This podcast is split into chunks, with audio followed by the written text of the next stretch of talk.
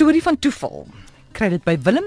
Hy sê my ouma Grootjie was 'n vrywillige Rooi Kruis verpleegster by die kruisgevangene kamp op Appington tydens die Tweede Wêreldoorlog. Sy vertel my dat een van die jong verpleegsters wat ook daar werk, raak toe verlief op een van die Italianers en hy op haar. En na die oorlog bly die man agter en hulle trou. Haar broer, wat saam met Jan Smuts in Noord-Afrika op is, word gevange geneem deur die Italianers en as gekruis en as krygsgevangene na Italië gestuur. Daar raak hy verlief op 'n meisie op die plaas waar hulle moes werk. En na die oorlog trou hulle. Nou daai tyd was daar nog nie regtig telefone nie. So al wat vir die mense hier veral, skus tog, so al wat die mense hier weet, is dat hy het getrou en het 'n telegram gekry. Hy is toe nou op pad huis toe met sy nuwe bruid. Toe hulle hom en sy vrou op die lughawe ontmoet of die hawe, sou hulle sien hy's getroud met die suster van 'n Italiaanse man met wie sy eie suster getroud is. Kan jy glo? Hy sê maar hier's nou nog 'n storie en dit het ook met die oorlog te doen.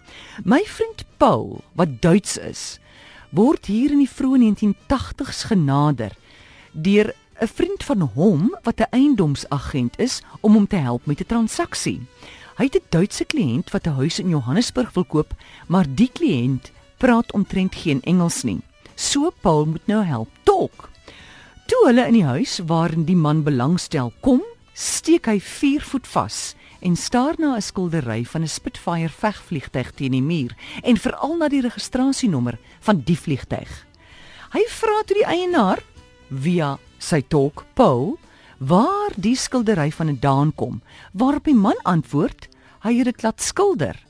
Dit was sy vliegtuig tydens die Tweede Wêreldoorlog. En die Duitser vra hom toe of hy kan onthou, hier reg teen die einde van die oorlog was hy in 'n twee geveg betrokke met 'n Duitse vliegtuig wat hy op die einde kon afskiet, maar toe genade betoon en gelos het om terug te keer Duitsland toe.